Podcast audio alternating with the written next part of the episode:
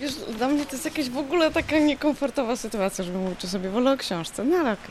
Wydawnictwo Wędzmiana zaprasza do dobrych i złych księgarni. Magdalena Matysek-Mielińska. Pracuję na Uniwersytecie Wrocławskim w Instytucie Kulturoznawstwa. Tam wprowadzamy studia z zakresu kultury współczesnej, a ostatnio bardzo mocno zorientowaliśmy się na studia w zakresie miejskości.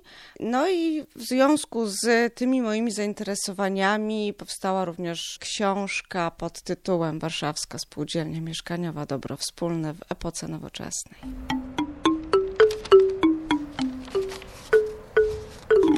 Żoliborz oglądałam w zasadzie przez książki. Najpierw oglądałam przez lektury o Żoliborzu, bo on mnie generalnie interesował w zasadzie trochę na początku jako socjolożka.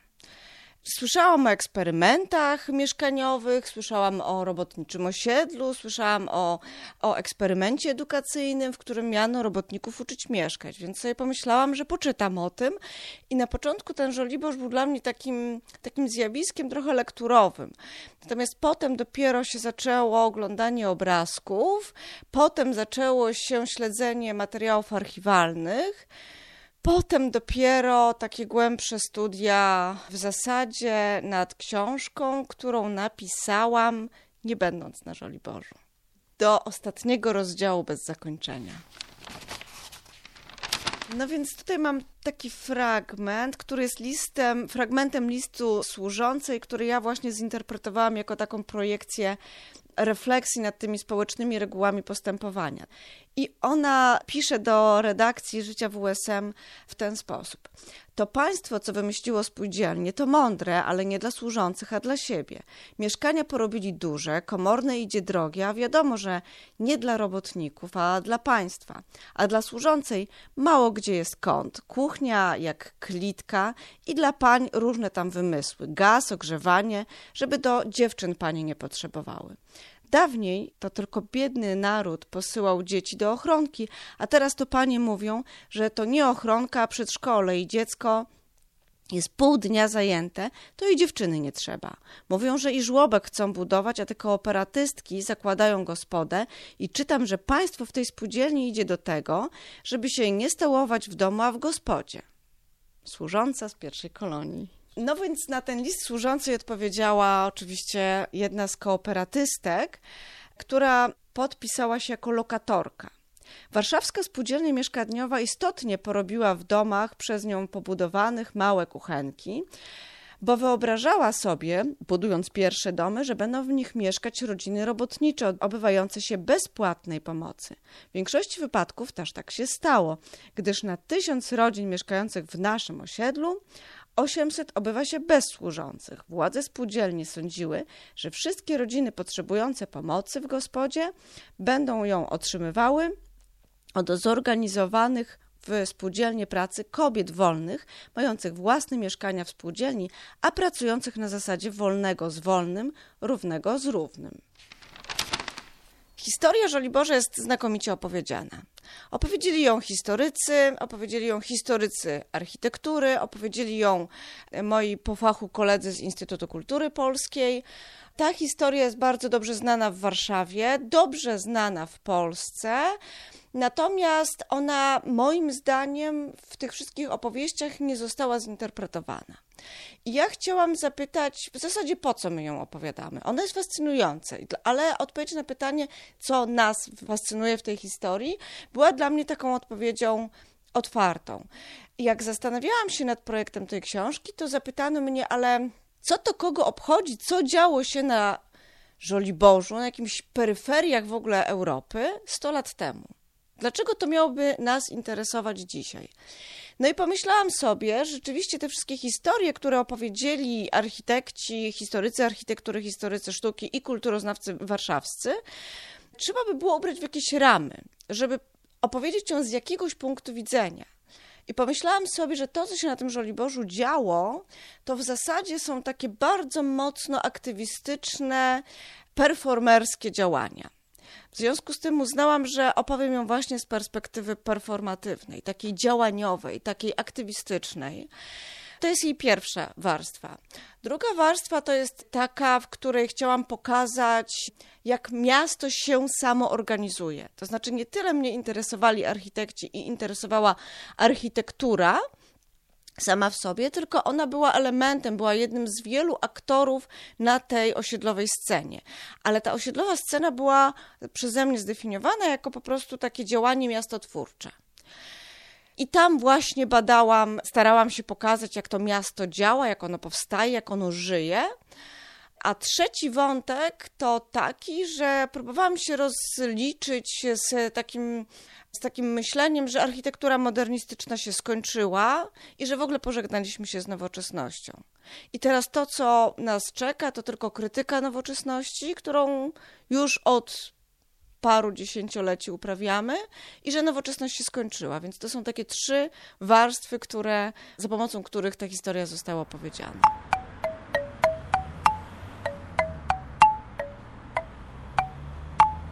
W tych latach e, międzywojennych, przypominam, że Warszawska Spółdzielnia Mieszkaniowa powstała w 21 roku, ale tak naprawdę została zamieszkana od 27 się ludzie tam, lokatorzy wprowadzali.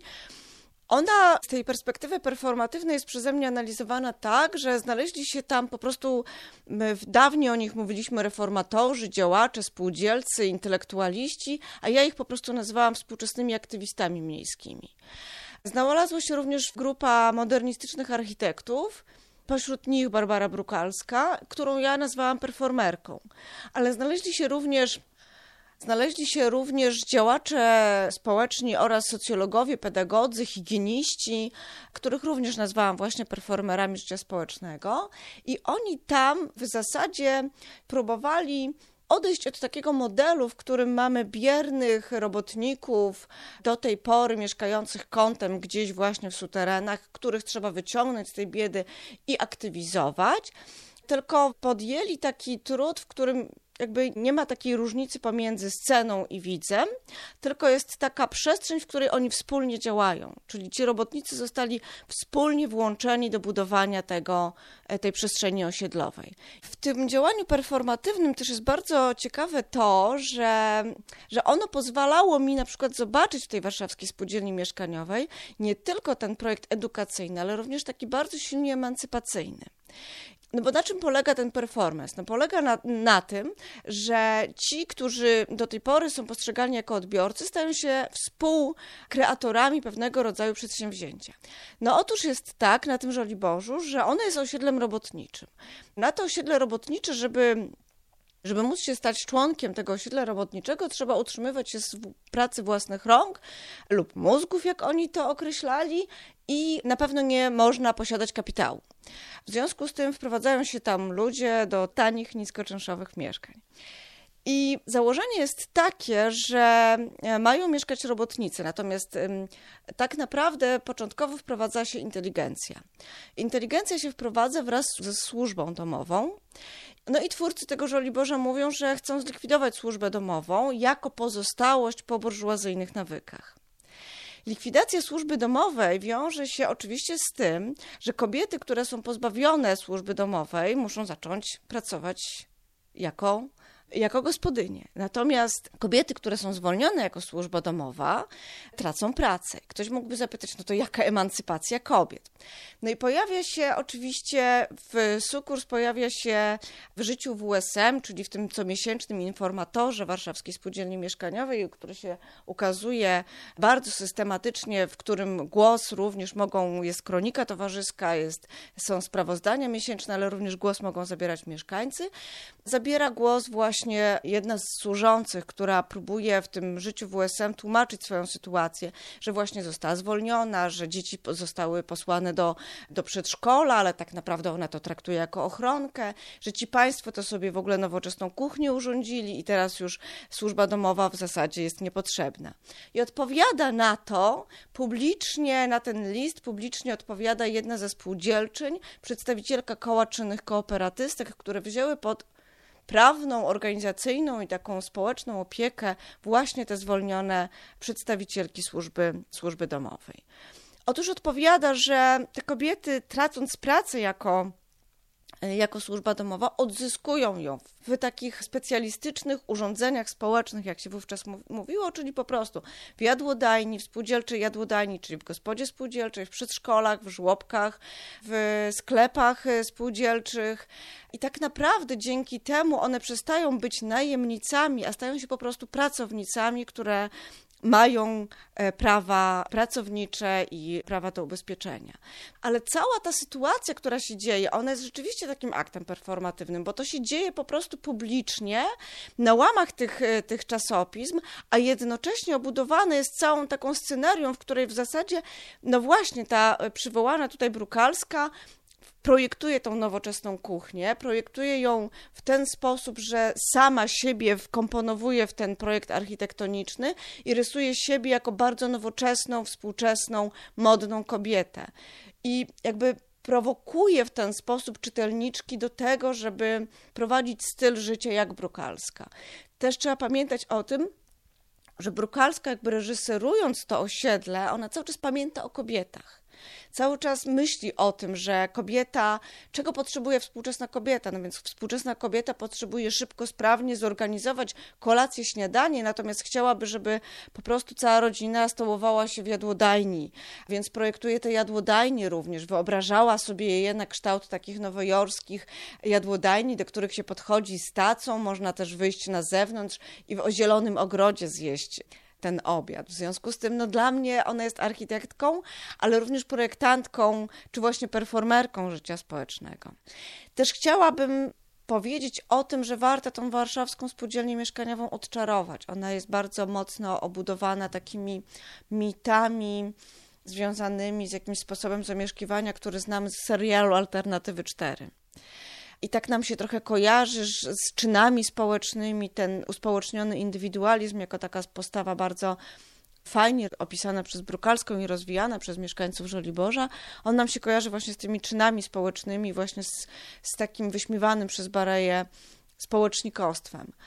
I to wydaje mi się warte odczarowania, że w warszawskiej spółdzielni mieszkaniowej nic nie było odgórnie. Wszystko, co państwowo było narzucane, działo się dopiero po wojnie i dlatego właśnie, że było państwowo narzucane, przestało mieć charakter oddolny.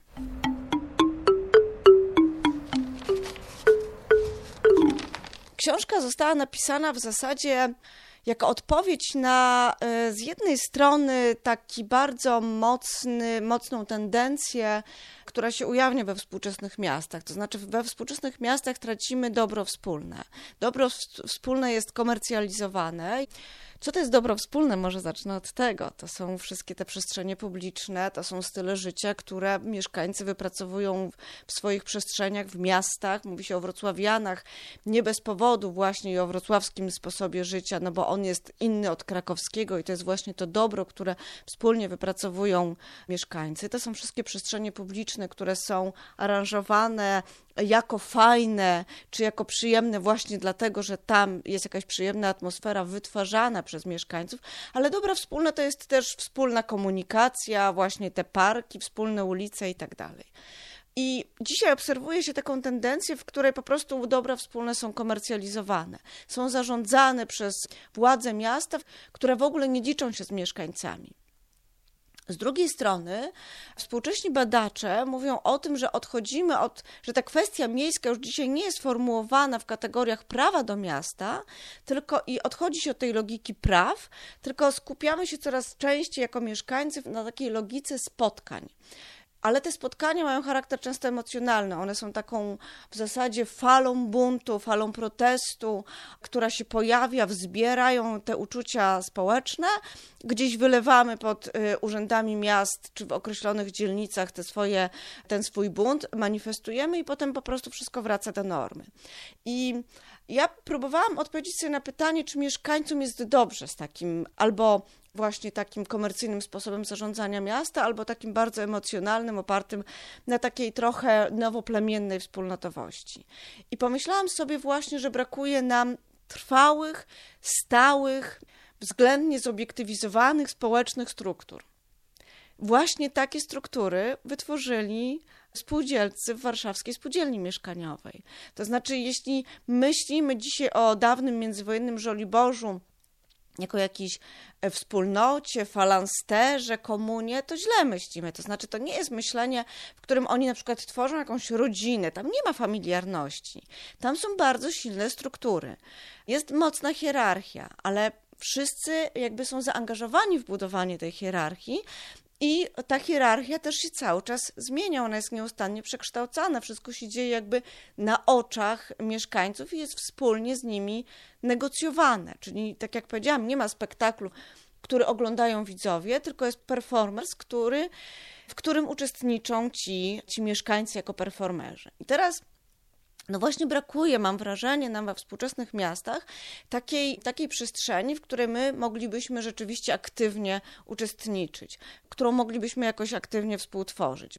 W zasadzie no, są podejmowane próby jakichś budżetów partycypacyjnych, obywatelskich budżetów partycypacyjnych, ale ja mam wrażenie, że to są takie trochę działania pozorne, ale też takie działania, które jakby trochę przerzucają odpowiedzialność z władz miasta na mieszkańców. No to jak chcecie, to sobie wybudujcie tam park czy ławkę, dostaniecie pieniądze. To chodzi o to, żeby ci mieszkańcy sami właśnie inicjowali te i też negocjowali te swoje wspólne sposoby zamieszkiwania.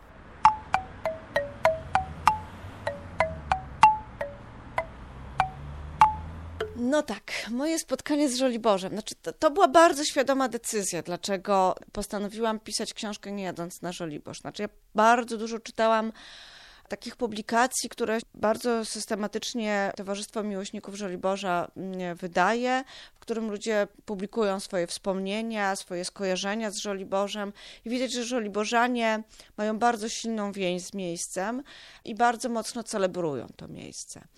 I ja bardzo chciałam e, z jednej strony o tym czytać, a mm, z drugiej strony bardzo chciałam uniknąć tej magii Żoliborza, żeby mnie po prostu w tą stronę to nie pociągnęło. Chciałam po prostu Żoliborz widzieć jako pewnego rodzaju strategię miejską.